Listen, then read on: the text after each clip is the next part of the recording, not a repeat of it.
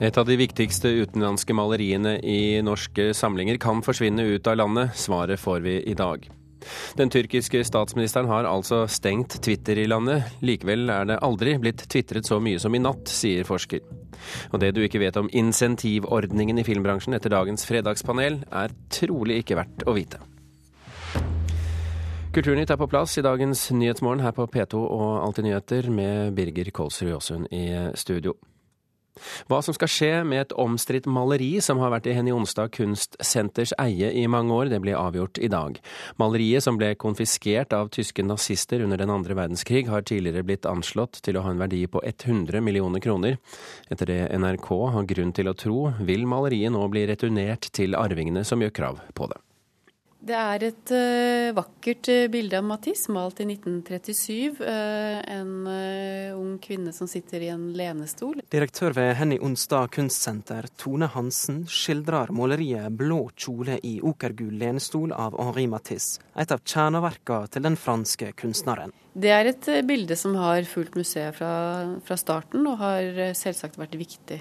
Måleriet var i eie til kunsthandleren Pål Rosenberg da tyske nazister konfiskerte det i 1941. På 50-tallet kjøpte Nils Onstad verket, og stilte det senere ut på Henny Onstad kunstsenter. Det har vært uvisse rundt hvem som eide måleriet før det kom Nils Onstad i hende.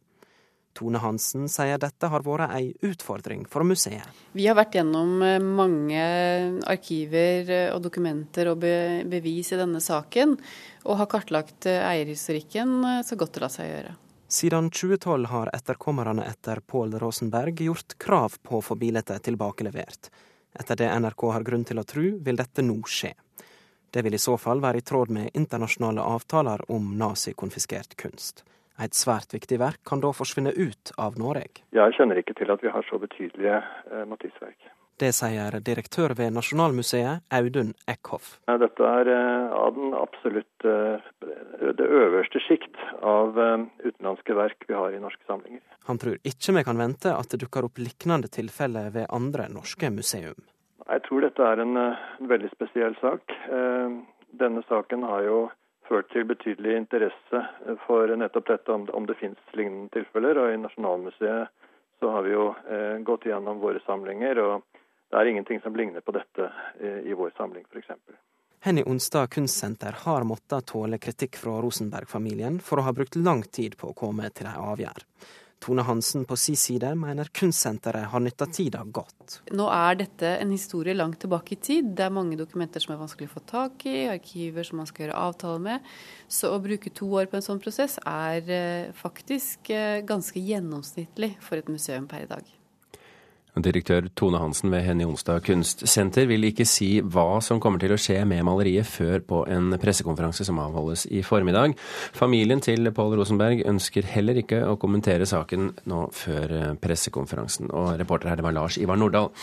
Kulturkommentator i NRK Agnes Moxnes, hvor stort tap er det for Henny Onsdag og Museums-Norge dersom dette bildet forsvinner?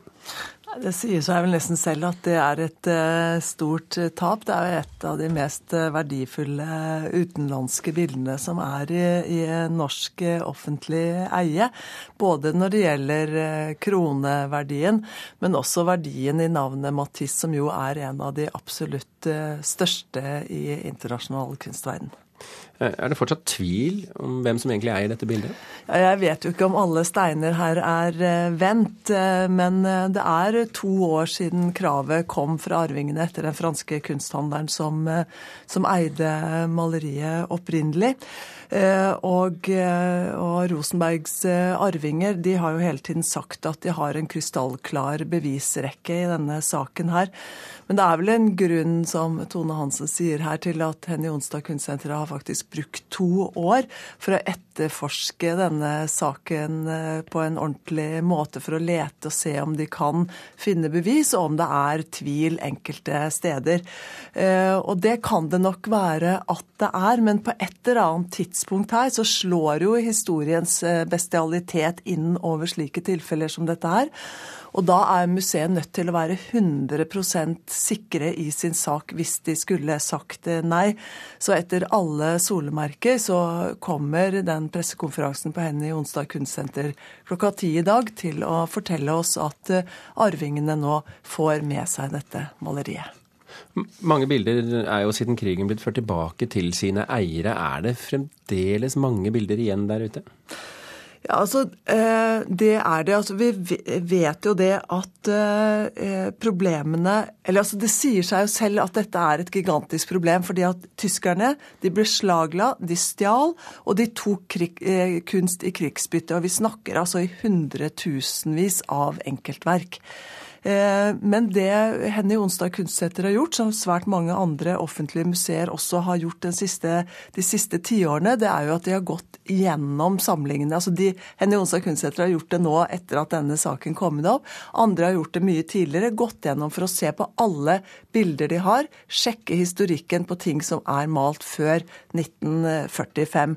Fordi Norge er, som jeg tror det er 44 andre land, har skrevet under på noe som heter Washington-konvensjonen konvensjonen eh, skrevet under på 90-tallet, og som handler om nettopp det at, at stjålet kunst skal leveres tilbake. Så selv om dette er en litt sånn trist dag fordi dette bildet kan gå ut av norsk eie, så er det vel også en god dag i det store bildet?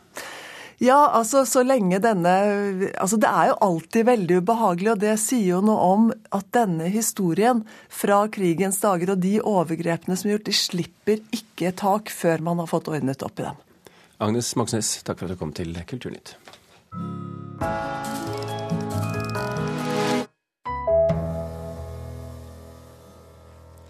Ja, som dere hørte i Dagsnytt i dag, statsminister Tayyip Erdogan i Tyrkia har stengt minibloggen Twitter for innbyggerne i landet. I går sa Erdogan at han hadde fått en rettskjennelse som gjør det mulig. Og Einar Wigen, forsker ved Institutt for kulturstudier ved Universitetet i Oslo. Hva er bakgrunnen for at Erdogan ønsket å stenge Twitter? Han begynner å komme under ganske sterkt press nå. Jeg tror at eh, desperasjonen øker i hans, i hans regjering. Ehm, noe av bakgrunnen for dette er en makt, intern maktkamp i, eh, i, regjeringspartiet. Der eh, de har klart å eh, få inn personer inn i politiet og påtalemyndigheten som har overvåket statsministeren. Og Det han er redd for, er at disse, disse teipene av avlyttede telefonsamtaler skal spres via Twitter. Eh, innenriksaviser, eh, innenriksmedia klarer han å kontrollere, men Twitter og Facebook klarer han ikke å kontrollere. Men, men, hva forteller det om Erdogan at han kan få en rettskjennelse for å stenge et sosialt medium? Ja, det sier jo at han har eh, Han går jo langt utenfor sine fullmakter eh, på en daglig basis, nærmest. Og det tok jo ikke mange timene fra han sa at jeg skal, jeg skal knuse Twitter, eh, til han faktisk fikk denne rettskjennelsen i fire forskjellige rettssaler, eh, domstoler i, i Tyrkia i går kveld, og stengte den eh, da allerede klokken ett om natten. Hvor så, vellykket har dette grepet vært? Eh, det har nok ikke vært så veldig vellykket, fordi eh, jeg eh, ser nå at det er veldig stor Jeg tror faktisk aldri jeg har sett så stor aktivitet på tyrkisk på Twitter som det var i natt. Uh, tyrkerne kommer seg gjennom ved å blokkere og endre settingene sånn at det ser ut som de er i et annet land, og der, dermed kan de fortsatt uh, komme inn. Men det er spørsmål hvor lenge de klarer det, og hvor mange som klarer det. Man trenger en viss teknisk kyndighet for å få det til. Vi får se hvordan det vikler seg ut utover dagen og de neste dagene. Tusen hjertelig takk, Einar Wigen ved Universitetet i Oslo. Vi skal videre, vi skal til Stavanger, for i går var det urpremiere i Konserthuset der.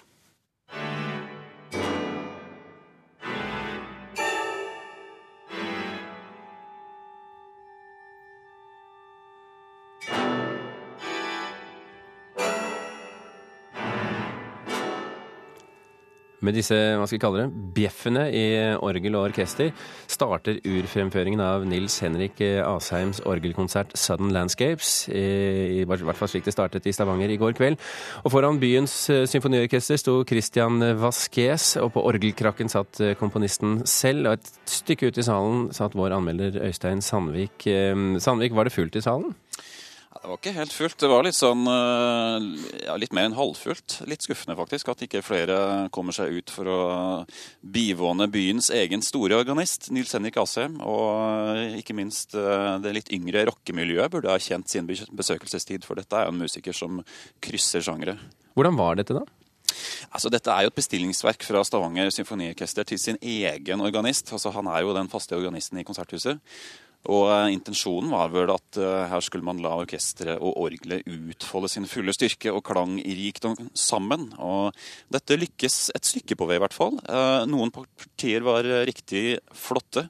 Man hører jo virkelig for et fantastisk instrument de har i dette konserthuset, selv om verket som helhet kanskje fremstår som litt uforløst. Men, men Sudden Landscapes, hva ligger egentlig i den tittelen? Ja, altså Plutselig landskap høres jo paradoksalt ut, eh, men den bærende komposisjonsideen er kontrasten mellom det vedvarende og det plutselige. Eh, og Asien fikk noen veldig fascinerende effekter ut av dette, bl.a. ved å legge blylodd på orgeltagentene og skape sånne liggende akkorder som du da kunne endre klangen på gjennom å bruke ulike sånne registreringer. Da, dra inn og ut forskjellige piperegistre. Eh, samtidig så er jo dette et litt sånn typisk samtidsmusikk-klangbilde, med sånne abrupte hendelser i forgrunnen mot et bakteppe av liggende klanger.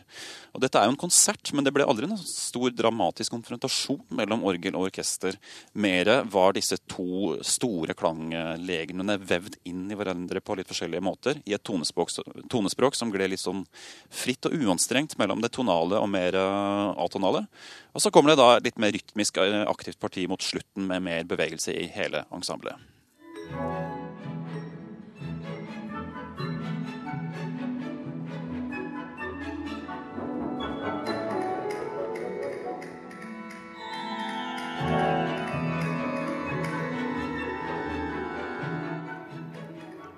Det er jo en erfaren eh, komponist vi snakker om her. Han har jo bl.a. fanfaren til vinter-OL i 94.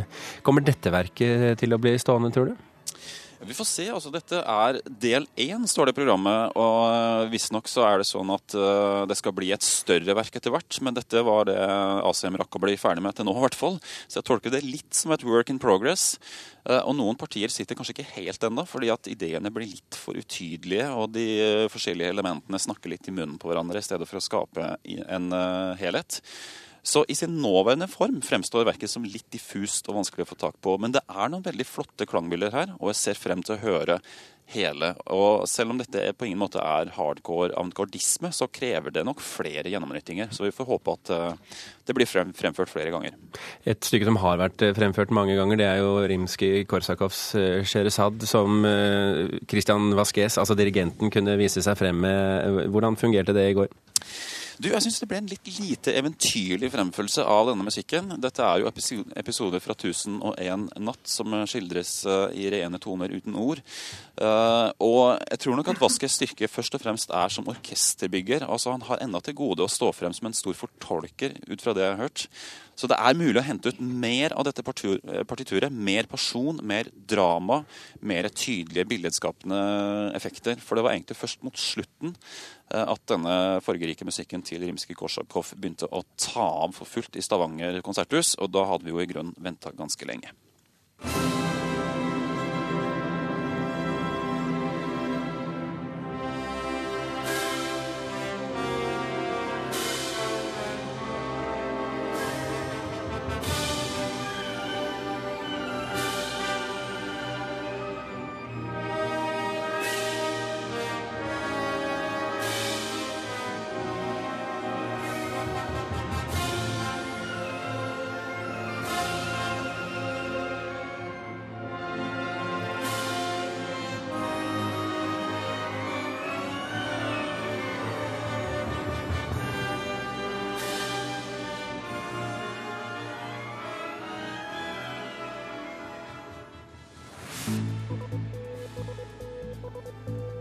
Klokken er drøyt 17 minutter over åtte. Du hører på Kulturnytt. Dette er toppsaken i NRK Nyheter akkurat nå.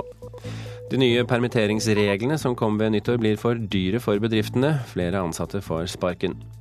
Fysisk makt blir brukt oftere i skolen enn vi tror. Mange foreldre klager, og fagfolk etterlyser klarere regler. Bedre vær kan gjøre søket etter det savnede Malaysia Airlines-flyet enklere. Det norske skipet på søkestedet har foreløpig ikke funnet noe. Og da har vi gleden av å ønske eh, dagens og ukens fredagspanel velkommen. Vi snakker om kulturredaktør i Federlandsvennen Karen Kristine Blågestad, kommentator og filmanmelder i Dagbladet Inger Merete Hobbelstad, og musikkviter og førstelektor ved Nordisk institutt for scene og studio, Audun Molde. Velkommen hele gjengen. Tusen takk. Takk. takk. Og Blågestad, bare får vi si, sitter altså i Kristiansand, så man kan uh, vente. Vi skal begynne med en mann som dukket opp på scenen i går. Ambisjonen er rett og slett å få dette ensemblet til å spille sammen, få mest mulig kultur ut av hver krone, eh, til det beste for og til glede for alle operaelskere i hele det norske folk. Dette var altså den nye operadirektøren Nils Are Karstad Lysø, som har bakgrunn fra næringslivet, fra McKinsey, Aker-konsernet og sist nå Moods of Norway, i tillegg til å være en entusiastisk storbandutøver. Spørsmålet i dag er enkelt. Er det rett mann på rett plass? Og vi kan begynne i Kristiansand. Ja. Molde? Ja. Blågestad? Nei. Nei, da begynner vi med nei. Ja, ja det, er ikke, det, er forskjellig. Du sa feil stadnavn akkurat nå. Så, sa jeg det? Ja, hun andre. Ja, ok. Men det er altså Inger Merete Hobbelstad som nå snakker og skal fortelle hvorfor dette er feil mann. Ja, nei, men altså, det, kan, det kan hende det er det, altså med forbehold. Det er vanskelig å vite noe om selvfølgelig hvordan folk gjør, skal gjøre ting før de har gjort det. Eh, men, men, jeg tenker at dette er litt Jeg er litt skeptisk når, tenker, når avstanden mellom frontlinje og administrasjon blir for stor. da. At det kommer en på toppen som ikke har Eh, så direkte erfaring med eh, det kunstneriske arbeidet, mekanismene, normene, strukturene i den verden han skal lede, eh, som er tilfellet her. Og jeg tenker at det kanskje er en del litt av den bevegelsen man har sett de siste tiårene. Det at ledelse blir liksom opphøyd til å være et sånt stort talent i seg selv, og at man legger mye større vekt på det enn at man kjenner bransjen man skal, man skal styre. Blågestad? Ja, jeg eh, syns jo at Hobbelstad har noen poenger, men jeg er ikke enig. Altså, jeg tenker at eh, det er veldig farlig å gjøre kulturinstitusjoner til noe mer sånn høytstående og mer hellig enn det faktisk er. Og det er ansatt en mann som skal bry seg med butikkbiten på operaen. Og hvis han prøver seg på det kunstneriske, så, så varer han jo ikke så lenge. Og hvis han er en god butikkmann, så får han jo til å lage, eller så er han jo med på å lage veldig mye god opera og veldig mye god kunst. Så det heier jeg på. Altså. Og jeg syns at mer samhandling mellom næringsliv og, og kulturlivet syns jeg er spennende. Måle. Vi må få kultur og næring til å henge sammen her i landet. Og jeg syns den ansettelsen er kanskje et veldig bra eksempel på at det tenkes sånn av Ellen Horn og styret i Operaen. Eh, jeg syns han har en veldig spennende, interessant CV, en interessant bakgrunn. Ehm, så jeg er veldig positiv til, til den ansettelsen. Kan du tenke deg kanskje at uh, operasjefen og ballettsjefen trakk et lettelsens sukk da det ikke var uh, noen uh, I hvert fall ikke ser ut som det blir faglige bindinger der? Det vil jeg ikke si, men det kan jo være bra at det er i hvert fall en klar arbeidsdeling da, mellom det kunstneriske og det administrative. Dessuten så er jo kulturlivet ofte ganske innadvendt og navlebeskuende i sånne ansettelsesprosesser. Og det at det kommer en person utenfra på en måte som Eh, et overraskende navn, et friskt pust inn, kan i seg selv være veldig bra. Altså, det er jo ingen tvil om at de trenger noen med eh, økonomisk know-how på toppen av operaen, og det er det nok av folk i kulturlivet med masse kunstnerisk fingerspissfølelse som ikke har. Det må vi vel eh, kunne fastslå. For de har jo store økonomiske utfordringer der med pensjon til ballettdansere som de ikke tok høyde for før. Det er masse ting som kommer nå hvor de trenger en flink pengemann, så jeg skal absolutt ta høyde for det. Altså, min motvilje skyldes muligens også at den eplekjekke Moods of Norway-estetikken ikke helt appellerer eh, til meg. Blågestad, ja. er, det, er, det, er det litt trist også at han kanskje ikke forstår dybden i det som er det kunstneriske uttrykket? Nei, det tenker jeg at det kan jo han godt forstå. Det vet jo ikke vi noen ting om. Selv om han har jobbet i McKinsey, så kan jo han være en finstemt operaelsker, for alt vi vet. Selv om jeg er mer bekymret for at han faktisk har eh, den kulturelle ballasten han faktisk har, som jo er Janne Char-bakgrunn, for det Det er aldri nok Janne Char-bakgrunn for folk. Ja, Nei, Molde. Og så må vi huske det at uh, i Nordfjord så har det jo to flotte ting å være stolt av. Det ene er Moods of Norway i Stryn, og så noen mil lenger ut i fjorden på Nordfjordeid så har de en veldig fin opera, faktisk. Så ja. det kan være en eh, link der også. Vi får se hvordan eh, samarbeidet med Vestlandet blir etter hvert. Eh, vi ønsker eh, uansett Nils Are Karstad Lyse lykke til i sin dont. Vi skal videre til noe absolutt helt annet. Listen, Martin. These are not your classic textbook zombies, just hungering to feast on the flesh of man. Dette er altså lyd fra filmen Død snø 2, som gir seg ut for å vise norsk natur, men som er tatt opp på Island. Grunnen er at Island har såkalte insentivordninger som gjør det billigere å filme der. På mandag holder kulturministeren innspillsmøte for bransjen, men vi tenkte kanskje at vi skulle gi henne et lite innspill her fra Fredagspanelet også. Spørsmålet er trenger norsk filmbransje insentivordninger for å ta opp film i Norge, Molde? Ja. Ja. Blågestad? Ja. Hvorfor denne entusiasmen for insentivordninger? Høres ut som en uh, ganske god idé som burde vært gjennomført for lenge siden, spør du meg. Og store kulturnasjoner som uh, vi kan sammenligne oss med, f.eks. Island, som du nevnte, Irland og mange andre, som har mye dårligere økonomi enn Norge har, har jo sånne ordninger. Så uh, jeg kan ikke forstå at det er noen veldig gode grunner mot å innføre en sånn ordning. Kan du tenke deg det, Blågestad? Ja, jeg syns også at uh, dette kan jo skape veldig mye mer aktivitet i norsk filmbransje. Men det kan jo også slå rett inn på bunnlinja til uh, norsk turistvirksomhet hvis dette er effektivt. Og Derfor tenker jeg at det er uh, at vi må ikke tenke at her skal staten inn og bare støtte. ikke sant? Hvis dette er effektiv reklame, så tenker jeg at norske hotellkjeder og norsk turistvirksomhet og hele denne reiselivsbransjen må tungt inn. De burde lage et fond gi insentiver, få mye filmaktivitet på norsk jord. Kunne det hende, eh, Hobbelstad, at det finnes bedre måter å bruke disse millionene på hvis målet er å få turister til Norge? Eh, ja, Det kommer an på målet er å få turister til Norge. da. Jeg tenker at det bare er ett av eh, målene her. Og som sådan er denne ordningen ganske godt lagt opp, i og med at det er ikke penger du direkte får, det er en prosentandel av pengene du bruker i landet du kommer til, som du får, eh, får tilbake igjen. Eh, og jeg tenker at dette må, dette må, man bare få. Jeg tror dette er ganske viktig. Eh, særlig fordi du også ser at altså, En ting er at utenlandske filmproduksjoner legger produksjonen sin til andre land i Europa, men også norske filmproduksjoner flyttes jo ut fordi det er billigere. En ting er Island, det spilles inn på, i Ungarn, der Karsten og Petra-filmen ble spilt inn. Beatles skal jo spilles inn, altså som er så til de grader fra Oslo, skal jo spilles inn i Budapest. Ikke sant. Og da, altså mm. når det er massevis av, av grunner til å spille inn i utlandet, og få grunner til å spille inn i Norge, så er det fryktelig uheldig. Det gjør at filmbransje, filmtekniske arbeidere ikke blir holdt i arbeid. Og det ville jo vært, altså, og det å få flere filmproduksjoner ville selvfølgelig hatt store konsekvenser for flere. Hotellbransje, catering. Eh, bare folk som sørger for bare rene logistikken da, rundt et sånt hangarskip som en filmproduksjon er. Men er dette, er dette, Molde, eh, spesifikt nyttig for filmbransjen, eller ser du for deg andre bransjer hvor det kunne være like nyttig? Det er spesifikt nyttig for filmbransjen, og det kan gi filmbransjen et løft. Og det kan være med å gi publikum gode norske filmer. Og i tillegg så er jeg veldig enig i det som sies om reiselivsbransjen. Det brukes mange millioner på å brande Norge som et land med vakker natur. Eh, men vi er et land med vakker natur og ekstremt høye priser.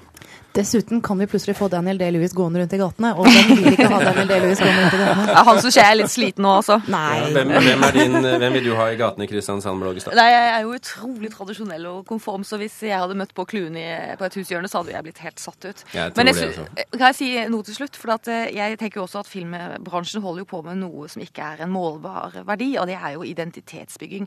Det er jo utrolig leit at Beatles skal ha østeuropeiske undersoner. Altså, det burde vært i Oslo. Vi får se om de klarer å å drive litt Oslo tryllestøv over den filmen der. Vi hopper til eh, siste spørsmål, for denne uken har vi fått lære at menn har noe å lære av kvinner på sosiale medier. Eh, vi hørte eh, veldig mye om kvinners ukritiske skryt av andre kvinner. Det har vært diskutert opp og ned i mente både her og der. Spørsmålet vårt er går kvinner for langt i skulderklapping på sosiale medier? Hobbelstad. Ja. Molde. Nei. Blågestad. Ja. Hvorfor er du i tvil, Molde? ja, Det var veldig morsomt. da. Jeg får litt selvkritikk her fra kvinnene i panelet. Ja. Nei, altså Jeg mener jo at det å klappe hverandre på skuldra og heie på hverandre er en veldig god ting. Eh, men i likestillingens navn så mener jeg at menn kan gjøre det, og kvinner kan gjøre det. Det er ikke en kvinnesak, sånn som kanskje spørsmålet er litt vinkla her. da. Jeg er jo generelt tilhenger av å heie på hverandre istedenfor å bitche og sutre og syte og klage. Men det er ingen som er uenig med deg i det. Det er jo, syns jeg, å slå inn en veldig dønn åpen dør. Fordi det som jeg syns skjer, og som er betenkelig, er jo at sosiale medier og bruken der og kulturen der er jo i ferd med å bli enormt kjønnsdelt. Kvinner holder på med de der eh, tingene som vi har lest om nå, og så holder menn på med helt andre ting. Og det er en samtale som er veldig delt blitt på sosiale medier. Uh, altså, det er Én ting er jo den, det kvinnelige aspektet ved det, men jeg er mer opptatt av bare hva det er som sies i det hele tatt. Det, altså, det, at folk er snille med hverandre er vel og bra. At dette skal legges som modell og ideal for det offentlige ordskiftet og for tonen liksom, i samfunnsdebatten og, og, hvordan det er mellom tunge aktører i samfunnet, det syns jeg er helt uh, helt borti staur og vegger. For det er klart at der er det, jo, der er det jo idébrytningen som er det viktige, og folk som har innflytelsesrike stillinger, der det de gjør har, har konsekvenser, de skal og må utfordres. Og så får de få støtte fra vennene sine, men eh, de som har ting å utsette på det de sier og gjør, det må komme frem, og det er litt av funksjonen til denne arenaen. Ja, dette er jeg så enig i. Jeg skriver under på alt du sa nå. er det noen sak? Eh, fine du, Karen. Tusen, ja. tusen takk skal du ha. Jeg syns de er kjempebra. Nå, nå, nå begynner det igjen. Vi psyker ut han Olli. Nei, ja, men, men det, der, når det går sånn inflasjon i den heiingen, mm. så blir den så grunn og tannløs og overfladisk og pinlig, og så får den ingen verdi.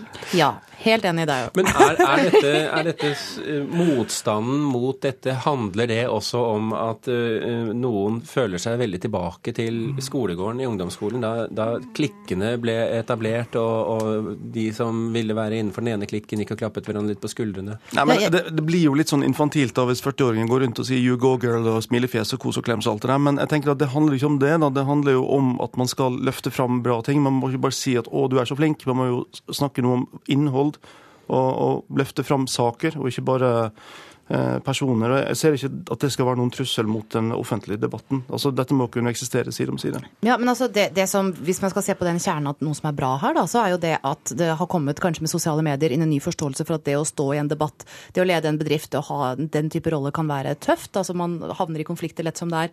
Man kan ha behov for støtte, og det at den støtten kommer fra venner, fra folk som er enig med deg, eh, det er fint. Men at dette fremheves til liksom et ideal, at, at, og at det er et tegn på snillhet og raushet, det, det tror jeg ikke. Og særlig fordi at det er noe også veldig dømmende i den rausheten. For det ligger jo implisitt i denne retorikken hva med de som ikke er det, de som velger en annen tone i samfunnsdebatten.